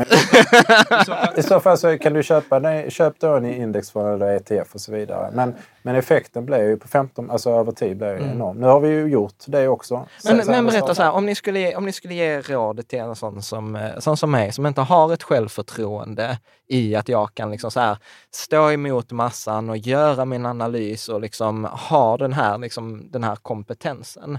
Vad, vad, vad skulle ni Ja, säga? men nu, om, om nu pratar om att välja fonder, för det är väl Ja. det mest realistiska. Jag skulle rekommendera att man väljer ungefär fem stycken fonder. Ja. Det är ganska bra. Och sen så ska man försöka se så att varje fond gör sitt eget jobb. Mm. Att, det vill säga att eh, köp inte två Sverigefonder utan välj en som, Mm. har, eh, som du tror på. Där förvaltaren är, har ett bra incitament. Det kanske inte är de största förvaltaren, det kanske är en lite mindre förvaltaren. Men, men gott betyg på Morningstar har liksom överträffat konkurrenter och så vidare. Mm. Så det är väl saker. Hur långt tillbaka tänker du då att de ska ha? Tre år är en bra tidshorisont att titta. Om ni skulle också bara så här, eh, sammanfatta, för att där är väl egentligen två grejer när ni väljer ut bolag. Sen, först måste ni screena alltså alla bolag på något sätt och sen när ni hittat ett enskilt bolag så gissar jag att ni har en process för det där också. Kan jag inte bara så här, ge lite så här inspiration, hur, hur går ni tillväga? Ja, ja, ja, ja, okej. Tack så mycket. Eh, vi, kommer från två håll. Ja. Dels så eh, kommer vi från kompetens. Eh, jag, jag har lagt, spenderat fem år av mitt liv att an- analysera byggbolag. Jag har träffat ungefär 130 byggbolag på jorden. Så från den liksom, kompetensen som jag anser mig att jag har byggt upp när det gäller byggbolag så kan man välja från den, den listan. Sen har jag också lagt tre år av mitt liv på verkstadsföretag så då lägger vi till en sektor. Henrik älskar banker. Uh, tittar på väldigt många av världens banker. Vi har varit allt från uh, träffat uh, stora spanska banker till små uh, nischade banker. Så vi, vi bedömer oss att vi kanske inte är bäst i världen men vi har kompetens inom en hel del sektorer och från den listan kan vi då välja. Sen kommer vi också från ett annat håll. Vi ska åka till Brasilien. Då gör vi som du sa, då tar vi en screen där. Vad är en screen? Ja, det är egentligen att man går in i en databas och så pintar man ut vad, vilka företag finns det på brasilianska börsen. Och 250 tror jag det är, som är av nämnvärd storlek. Jämför med Indien som har 8000. Mm. Det är rätt intressant. Uh, ganska liten börs i Brasilien. Av de här 250, vilka företag är lönsamma? Och då är vi kanske nere på 100. Vilka har stark balansräkning? Då är vi nere på 75. Och så jobbar vi oss ner. Så kommer vi upp med en lista på 20 företag. Och sen börjar vi läsa årsredovisningar och sen så kontaktar vi. Så då kommer vi uppifrån, ibland kommer vi underifrån. Men får jag bara flika in där? Eh, ni touchade innan det här med etik. Ja, det är Och jag viktigt. tänker att i Sverige kan vi kanske ändå vara en bit fram, liksom, att det ska vara hållbara placeringar och så. Eh, Men utomlands, hur är det Ja, där? det är jä- alltså är det... Jätteintressant att du säger det. För att vi har blivit kontaktade av ett antal eh, utländska fondutvärderare som just letar efter det här. Att de vill ha en svensk, svensk fondbolag som kör med högre et- etik. Eh, och är mycket intresserade. Vad har ni för kriterier för det här med etik? För jag tänker L'Oreal, Ja, sa du innan att eh, Kina är en stor marknad. Och ska man sälja smink i Kina så måste man genomgå eh, sån här djurtester och så. Och det finns ju de som tycker att det är helt förkastligt. Att det är ju, Eh, och vissa bryr sig inte alls. Liksom. Vad, vad har ni för kriterier när det gäller eh, etik och hållbarhet? flera olika kriterier. Dels har ju Coeli som firma då signerat den här Förenta Nationernas eh, liksom, e-, etiska eh, principer. Två så är alla våra innehav eh, screenade av en, av en firma som har med väldigt högt anseende på etiskt. Alla våra innehav är gröna. Eh, det tredje är ju då att vi själva besöker företagen och, och pratar med igenom dem. Och det fjärde och sista är då att vi, vi investerar i allt. Så vi, vi, drar, vi, vi gillar smink som kategori då, men eh, de sektorer som vi inte gillar, som vi har nämnt, det är vapen. Där tycker vi det, det är förkastligt. Vi gillar inte tobak. Eh, vi gillar inte olja och gas. Eh, vi, vi har, tror att vi kommer gå mot en mer fossilfri bransch. Eh, vi gillar inte heller online-spel. Ehm, Bra! och, och, Hatar sådana online-kasinon. och den tog lite tid att komma fram till. För att initialt så var vi nog lite sådär mer, ja, men lite mer positiva. Och sen så allt eftersom vi har lärt oss om sektorn. Det, eh, så det, det är de sektorerna som vi undviker kategoriskt. Då. Och sen så har vi också den här externa leverantören då som tittar och allting ska screenas grönt. Men sen så får man hela tiden gräva vidare och sen lär man ju sig mer om företagen. Ja, det är nästan så att vi är precis bara i början tror på det där med hållbara... Vi- Jag kan få addera en sak till det och det är det att eh, vi har ju besökt eh, i Brasilien och i Argentina och så vidare. Så att då träffar vi väldigt många fina företag för att ofta så är det så här att de företag som är lönsamma och växer, det är bra folk som jobbar på företagen. Men, och sen berättar de för oss att oftast är det liksom politikerna som står för korruptionen. I, pre- I Brasilien så var det ju en före detta president. Va? I Argentina har det också varit eh, folk som är kopplade till, till presidenten och så vidare. Så att det är lite omvända världen liksom på något sätt för att de fina företagen, det är de bra människorna som jobbar där. Och det är lite korruption där. Och det, är- Så det, så det, och avslutningsvis då, så ibland då så fångar ju inte alla de här, även om vi nu då har liksom FN och alla de här screening, så finns det vissa saker som inte fångas upp. Jag ska ta ett företag som exempel. Där, så att vi pratade om ett afrikanskt land i det här då. De hade en liten business där. Och då slänger de fram telefonen då och visar telefonnumret till presidenten då. Och då sa jag, det är liksom, då, då avslutar jag diskussionen där för att jag vet vad det innebär. Jag behöver inte det här, det här kommer inte fångas upp av någon nyhetsartikel. Men, men ett, ett, ett företag som har direktnummer till en, till en afrikansk president har förmodligen en viss sorts relation. Eh, och, och där, vill jag, där, där vill inte jag vara. Jag, jag tycker inte, jag, jag- det, känns, det kändes fel. Jag, hade, jag har ingen fakta, jag har inget bevis, men det var en känsla som känns fel. Och det vill jag inte att mina andelsägare eller våra egna privata, våra egna familjers pengar ska associeras med. Så då får man ju bara gå därifrån. Och vi har exakt samma värdering när det gäller det här. Så därför är det väldigt enkelt för oss att om det inte är någonting som känns bra för oss, att det finns misstanke om något, då väljer vi att, att inte investera. Och kommittén, det är Andreas och jag.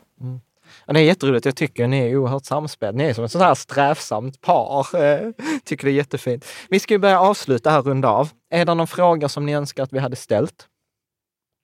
Det var en bra fråga. Ja, det var, en, det var faktiskt en fråga som vi brukar ställa i våra intervjuer. Ehm, ja, uh, misstag. Ja, Ja, misstag. Det tycker jag. Vi har pratat väldigt mycket om saker som vi har gått bra för oss och så vidare, men man gör fel också. Ehm, det är ju en... Det är ju, vi har ju då en gedigen process som ska minimera misstagen. Trots det så sker det ju misstag. Ehm, jag minns ett företag som jag investerade i, i Holland. Det var ett byggbolag. Eh, jag trodde att det skulle vända. Eh, De fick in en ny ekonomichef och sen så ändrades eh, tonen helt plötsligt. Och, eh, vi kom ur, eh, men mycket av kapitalet, men en liten del hängde vi i då och, och, och gick nedåt då. Och, då, då lär man sig att okay, så fort någon byter ekonomichef inte känns rätt så måste vi kanske vara ännu mer på bollen. Vi, vi lyckades minimera våra förluster till stor del men där, där måste man vara ännu mer på hugget. Är det något du tänker vi har missat? Jag tänker på det här med tålamod faktiskt. Ja. Det, det är väldigt viktigt när man investerar att man har tålamod. Eh, och där fungerar vi väldigt bra tillsammans. Ja, det är mycket där, bättre. där hjälper vi varandra. När Ja. den ena kan börja känna sig lite osäker så kan den andra gå in och stötta. Då. Ja. Och så vidare. Och det, för att oftast är det så här att om du tänker dig då en aktiekurs. Den kan ju gå ner 20 och den kan gå upp 20% Men en omsättning i ett bolag kommer ju aldrig att falla 20% på en dag eller gå upp 20 en dag. Så att Ja. Aktiemarknaden är all, den överdriver alltid rörelserna. Mm. Så att gillar man ett företag och det är lönsamt så kan man hänga kvar i det. Ja, och där är, Henrik är mycket mer tålamod. Jag är mycket mer känslomänniska. Henrik är mycket mer eh, siffror, tålamodsmänniska. Och det har ju fungerat eh, bra. Vi hade ett polskt företag där jag tyckte att nej, men nu känns det fullvärderat. Och Henrik sa nej, vi håller i och så diskuterar vi. Så kom vi fram till en samsyn där. Så där fungerar vi lite grann som Bill och Bull. Ja. Piff och puff. Ja, vad bra. Eh, precis. Eh, jag, jag tänker så här. eh, är det någonting som är så här sant för er som typ ingen annan håller med er om? Och det behöver inte vara med pengar eller det kan vara precis vad som helst. Eller få andra hålla med om. Som ni känner er, det här är min speciella... Vilken bra fråga. Ja, Ja, det är väl den här efficient market hypothesis. Det säger att marknaden är, är effektiva. Jag håller verkligen inte med i den. Jag håller med att jag tror säkert att det stämmer för, för börsen, men jag tvivlar att det stämmer för aktier. Ibland så kan du då, om det är allt från tyska fastigheter till byggbolag i Australien på fem gånger vinsten, att du, om du bara är ny, tillräckligt nyfiken så kan du springa på de där möjligheterna. Det finns inte jättemånga.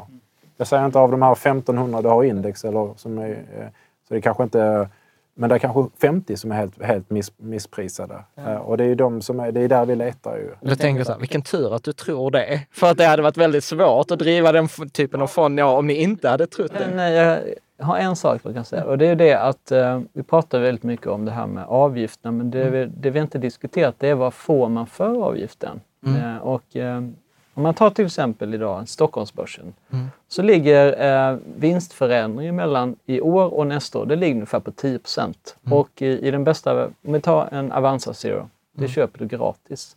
Men i våran fond så får vi samma period, alltså Eh, under nästkommande år så växer vår fonds vinster med 30 Och då menar jag att då kanske det kan vara värt att betala 1,4% för att få så mycket mer alltså vinstförbättring som eh, kommer driva aktiekurserna uppåt. Och, eh, och det pratar man inte speciellt mycket om vad man får för sina pengar. Och det är en sak man får. Ja, precis. För det där brukar jag alltid säga i, i de flesta områden, att det spelar egentligen ingen roll vad du kostar, utan det som spelar roll är vad får du för det? Vad är värdet? Och får jag mer värde än vad jag betalar, så är det ju inget konstigt. Jag skulle kunna klippa dig jättebilligt Jan, för säkert 20 kronor. Men det blir en bättre klippning om du går ner på gatan. går till någon annan. Ja, men, eh, jättebra. Jag har någon så här, så på, på en skala 1 till 10, hur konstiga är ni? Jag är nog en åtta, du är nog en femma. Schysst! Eh, Alltså att jag är konstig? Ja, Ja, berätta, berätta. Nej, men jag är lite konstigare med det. Jag tycker inte jag är Eh, jag tycker... ja, men jag tycker också jag är ganska märklig. Okej, Ja, men- men, du, du, du är vara. Du är sju. Ja. Ja, men berätta, Andreas, om du Ja, börjar. men vi skämtar, brukar skämta lite grann om det, att jag är lite, eh, lite mer weirdo än, vad- än vad Henrik är.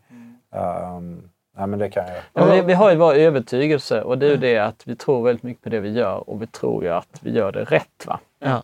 Och det är ju det är lite konstigt att man Mm. har så stark i sin övertygelse. Ja, eh, Och sen är du, har du en liten twist också. Ja, men, men det är lite som vi pratade om tidigare. När jag, var, när jag var 18 år så bestämde jag mig för att läsa kinesiska och alla tyckte jag var galen. Ja, och du sa upp dig på, äh, inte sa upp dig, men flyttade från ABB i Schweiz till, till Kina och gick ner i 90 procent i lön, bodde som en kines. Men, men den där delar vi nog, tror jag. För att jag lämnade, jag jobbade i Danmark, jobbade som fondförvaltare och sen gick jag till SEB och det var en annan lön på SEB kan jag säga, än Ja. vad jag hade i Danmark. Och vi gör de här grejerna och vi pratar om det här vid något tillfälle. Jag kommer ihåg att vi var väldigt lika på den punkten. För vi tar, vi tar risker när vi tycker det är väldigt spännande och intressant Ja. att göra något. Ja. Alltså du har ju, eller liksom, kan vi ta kanske vid ett annat tillfälle, men spännande historia. Så här, när du, kommer, du sa att du hade rest mycket, kommer till New York, står och tittar på Wall Street och inser så här, jag är från Hörby, det där är väldigt höga hus, liksom dit vill jag in. Och sen liksom så här jobba för det där målinriktat. Det, Men har du varit på Wall Street? Eller har Nej, du nej, känt så? nej, Nej, förresten. nej, jag- det var inte så. Jag, jag minns den dagen också. Det var en man som satt utanför en bank, JP Morgan tror jag det var. Så kommer han ut och så sätter han sig ner och så tänder han en cigarr. Och sen så, man ser liksom att han har precis gjort väldigt mycket pengar på börsen. Och så tänkte jag, när jag var då 19 år och stod och tittade på honom då med stora ögon. Och eh, jag är väldigt stolt att komma från Hörby, men eh, jag, eh, ett jättefint ställe att växa upp. Men när jag tittade på honom kände jag att dit vill jag komma. Ja. Nu, nu, nu, nu, är jag, nu är jag inte alls så välklädd som han, han, han, han, var. Men eh, jag har börjat röka cigarr. Ja, precis. Ta, ta så. Bra, sista tips som vi brukar eh, fråga oss här. Så vilken, vilken bok eh, brukar ni ge bort? Eller vilken bok skulle ni tipsa om? Uh, ja, jag gillar, jag gillar Peter Lynch, One Up on Wall Street. Jag tycker det är en, en härlig bok. Um, den, jag tycker den är... Sen är ju, finns det en bok som, är, som Joel Greenblatt har skrivit, alltså inte The Little Book. Inte den Magic Formula? Uh, nej, precis. Utan den, den som är, han, den, den boken som var före den som um, som handlar väldigt mycket om när han var eh, hedgefondförvaltare. Alltså när han verkligen var nere på aktienivå och så vidare. Och, och läser man den så ser du, kommer du också, efter du läser kommer du också vända om, eh, ni, ni båda, och helt plötsligt börja tro på att man kan syssla med stockpicking. För att det, det, det, jag tyckte det, det, You can be a stock market genius av Joel Greenblatt. Jag tycker det är, det är en fantastisk bok. Ja. Och eh, den boken jag vill att man ska läsa, den kostar ungefär 2000 kronor. Och den heter Oj. The Bank Credit Analyst och den går igenom... Alltså det, redan där får du ett pluspoäng på konstighet. Att, Men är det en bok som du hade gett bort då? Definitivt, det är en fantastisk bok. För att det är intressant det här med banker. Vi kan ta Europa till exempel. I, Ja. I Sverige och i Norden så har vi väldigt bra banker. Och nu sticker jag ut hakan här. Många tror att vi har väldigt bra banker för att bankledningen är så duktiga. Men ja, det må hända att de är ganska bra. Men vi har bra banker för att Sverige och Norden är väldigt tryggt. Eh, låg arbetslöshet, bra företag och så vidare. För tittar du i södra Europa, framförallt Spanien, Grekland, Italien, så de har haft ganska jobbiga perioder. Och det är ju ingen som säger att de bankerna är välskötta, utan de är ju dåliga för att de har en dålig ekonomi. Och eh, det är därför banker är så spännande, va? för att på en kontinent så kan du hitta bra placeringar, dåliga placeringar. Och vi har ju en, en bank i, i Portugal här som vi äger, som då har liksom gått från att vara en dålig bank till att bli en bra bank. Och den blir en bra bank bara för att ekonomin blir bättre. Och vi dubblar pengarna. Och eh, det kan man läsa sig till, den boken. Jag tror den är på 800 sidor den boken. ja. Alltså det, är- det, är- det är litteraturtipset. den, den, din bok har jag faktiskt hört talas om, men den där andra har jag inte. Saken är den att jag köpte, jag köpte den en gång innan och då köpte jag en. Du har köpt den två gånger dessutom. Det var faktiskt en present andra gången. Men jag köpte den en begagnad och det var något engelskt bibliotek, skolbibliotek som har stämplat i den. Den fanns på Amazon för 700 spänn eller något. Ja, Det tyckte jag var ett klipp. Ja, gud vad roligt. Ja, men ett fantastiskt stort tack för att ni ville komma hit för en spännande diskussion och kul att få lite, lite tuggmotstånd. Att eh, liksom, eh, och eh, ja, men verkligen se det från ett annat håll. Så, och hoppas, skulle ni vara intresserade att komma tillbaka i framtiden? Ja, jättegärna. Jättegärna. Ja, vad roligt. Tack så mycket. Tack så mycket. Så Caroline, så vad, vad tänker du? Nu har det ju gått eh, två veckor sedan vi träffade Andreas och Henrik och vi har liksom hunnit smälta. Så vad tog du med dig från intervjun?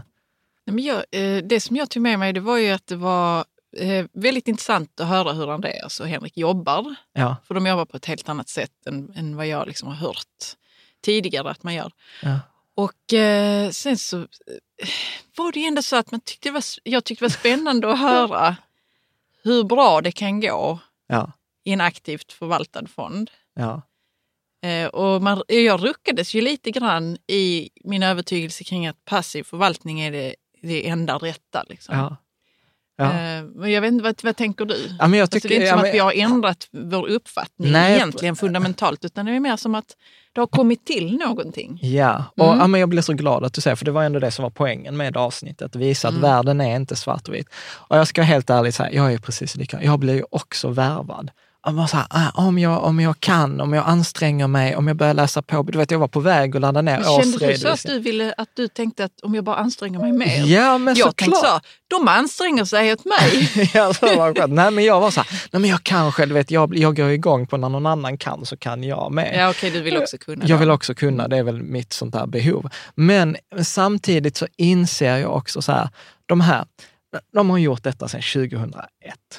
De, de gör detta 24 timmar om dygnet. De, när, de liksom här, när de tittar på Sverige, de har gått igenom varenda bolag i Sverige, säger så här, nej men vi hittar inte 30 stycken bra bolag i Tillräckligt Sverige. bra. nej. Tillräckligt bra Mm. bolag. Du vet, de reser till Argentina för att träffa ett företag, prata om vdn, träffa ekonomichefen, gå igenom bolagets redovisning, göra sin egen analys. Mm. Sen reser de till Indien för att träffa, du vet, så här, och jag blev så här, nej. Alltså det, Men det var ju också det som vi ville ge bort lite grann, att det är det här som, om man nu tänker att man själv ska fixa biffen med Alltså, aktiv förvaltning. ja. Det var ju det vi ville ge bort, att det är de här du konkurrerar med. Ja, men precis. För, Ja. Och det där var också min äh, stora, det är så, ja, så klockrent att du säger det. För det var, alltså jag kommer ihåg när jag började för, ja, men för 15 år sedan, 20 år sedan. Du vet, då var jag så här, ja, men jag är med i Aktiespararna, jag läser Dagens Industri, jag prenumererar på Börsveckan, jag har de här nyhetsbreven. Så här, jag är en insatt eh, professionell investerare. Och sen så, liksom så här, pratar man med Henrik om man är så här, alltså om jag och Henrik skulle gå så här, amano, amano, då är det så här, Alltså jag lägger ner innan matchen har börjat. Liksom. Jag har liksom inte den, den kompetensen eller den tiden. Men du jobbar ju inte så som Nej. aktiv förvaltare. Nej, nej och precis. det, de flesta gör inte det. Nej. Men om man Så- själv då skulle lägga lite tid på det, då skulle man inte ha en chans ändå. Liksom. Nej, precis. Nej, men så att, så att jag, jag, gillar, jag gillar ju det, för att, för att även om jag är så här varmt förespråkare för passiv förvaltning så säger jag inte att aktiv förvaltning inte fungerar. Mm. Men det krävs nog den arbetsinsatsen som de eh, pratar om. Eller så gör man precis så som du säger nu, så bara, ja, men jag lägger pengarna i deras fond och sen får de göra jobbet Ja, åt men de mig. gör ju jobbet ju. Ja, precis. Så att det är ju den andra biten. Men sen så vill jag också säga så att det som jag var väldigt glad över, det var att jag ändå blev förvånad att det var ändå så pass många saker som vi ändå höll med om varandra. Och, och jag, skri, jag har ju skrivit sammanfattat detta i artikeln. Vi håller med varandra kraften i ränta på ränta. Och vi pratar om så här, vet, 10 procents avkastning per år. Alltså det gör enorm utveckling över tid. Vi pratar om så här, vikten av att spara långsiktigt, regelbundet, globalt. De delar ju med sig Absolut. Hur deras klienter som hade riktigt mycket pengar, alltså vad är det de gör rätt? Inte bara vad gör andra eh, fel? Eh, vi, Henrik pratade om det här, ha en strategi, följ den, tro på dig själv. Liksom, lyssna inte på media, gör din egen bild. Som när de berättade Mm. att eh, det, media hade skrivit ner deras bolag, de pratade med konkurrenterna, de pratade med kunderna.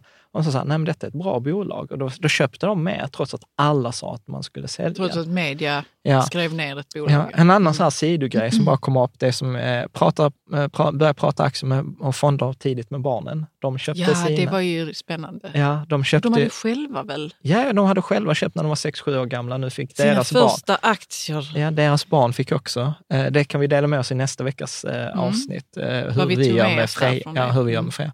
De sa också så här, spara i billiga indexfonder är bra om, om du är nöjd med 8-10 procents avkastning per år.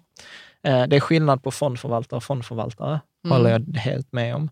Och eh, vi var också helt överens om att majoriteten av fond, eh, eh, majoriteten av avkastningen ges av tillgångsfördelningen, inte nödvändigtvis liksom om den specifika Men, det- kan du inte fondtypen. bara säga något mer där? Nej men, att det första, nej men det första som de också sa, att om de skulle placera om sina egna pengar, välja andelen aktier och räntor.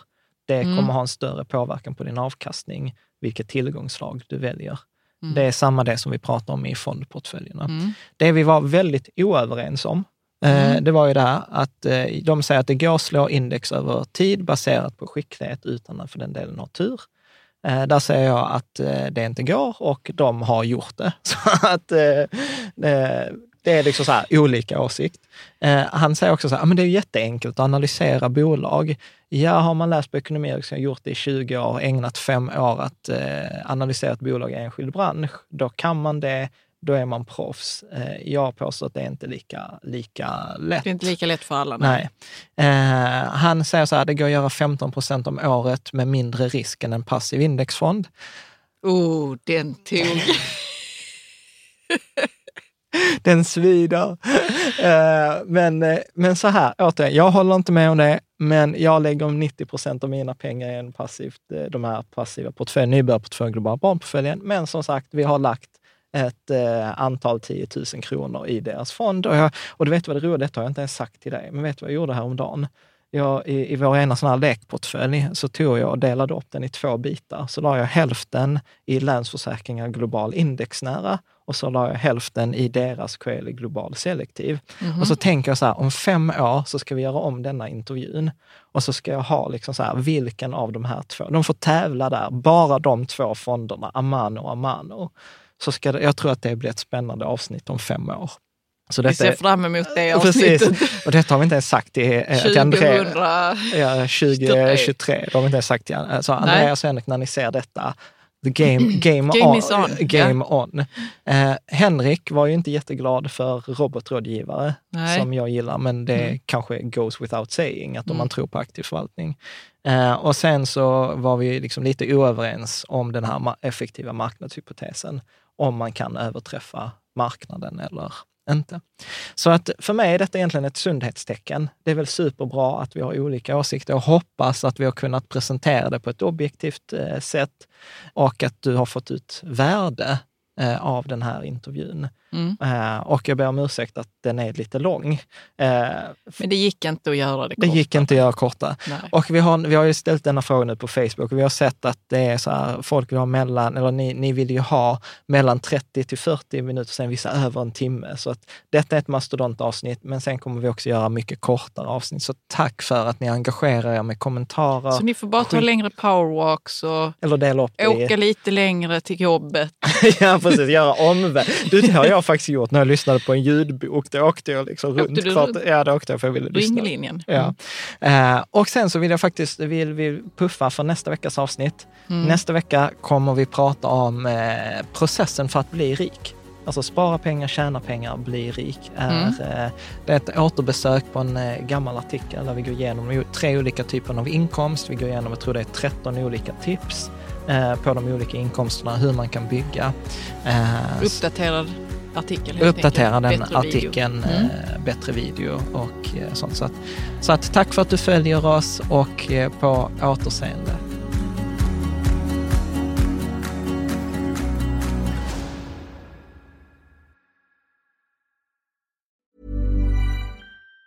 Even on a budget, quality is non-negotiable. That's why Quince is the place to score high-end essentials at 50 to 80% less than similar brands. Get your hands on buttery soft cashmere sweaters from just 60 bucks, Italian leather jackets, and so much more.